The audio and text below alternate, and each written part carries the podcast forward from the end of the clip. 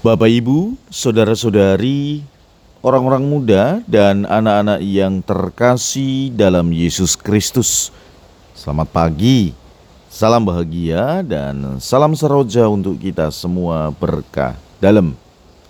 Bersama dengan saya, Romo Antonius Garbito Pambuaji menyampaikan salam dan berkat Allah yang Maha Kuasa dalam nama Bapa dan Putra dan Roh Kudus. Amin.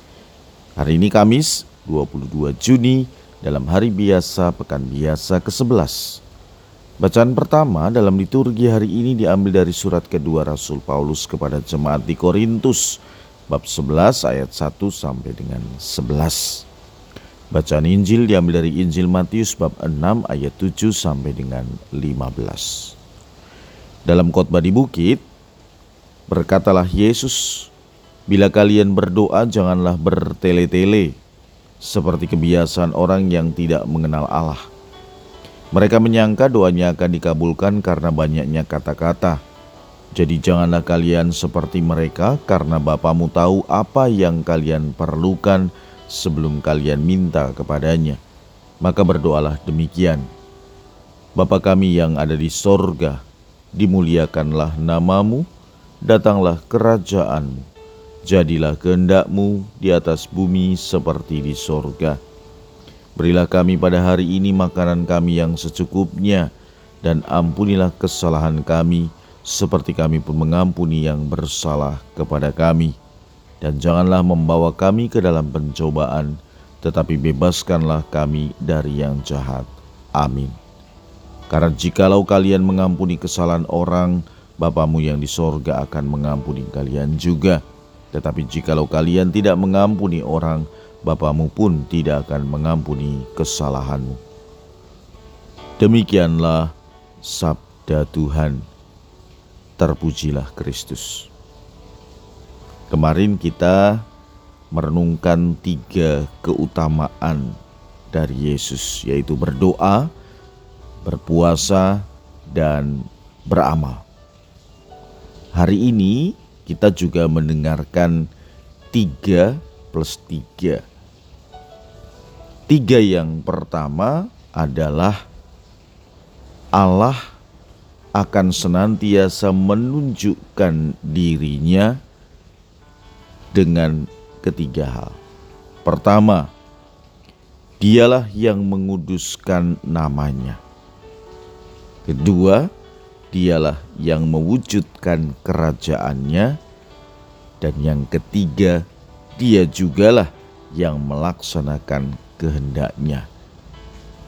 Nah, saudara-saudari yang terkasih, ketiga hal inilah yang menunjukkan kuasa Allah pada hidup kita.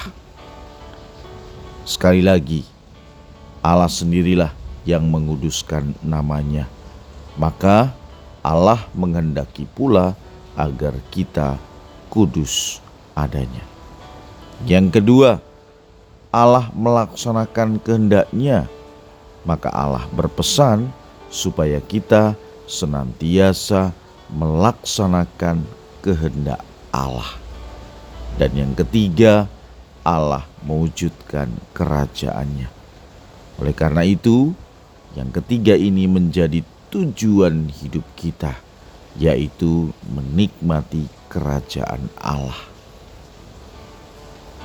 Saudara-saudari, pada bagian yang kedua atau tiga yang kedua adalah terungkap dalam doa permohonan pada doa Bapa kami, yaitu mohon agar mendapatkan makanan yang secukupnya, mohon pengampunan, dan mohon pembebasan dari yang jahat.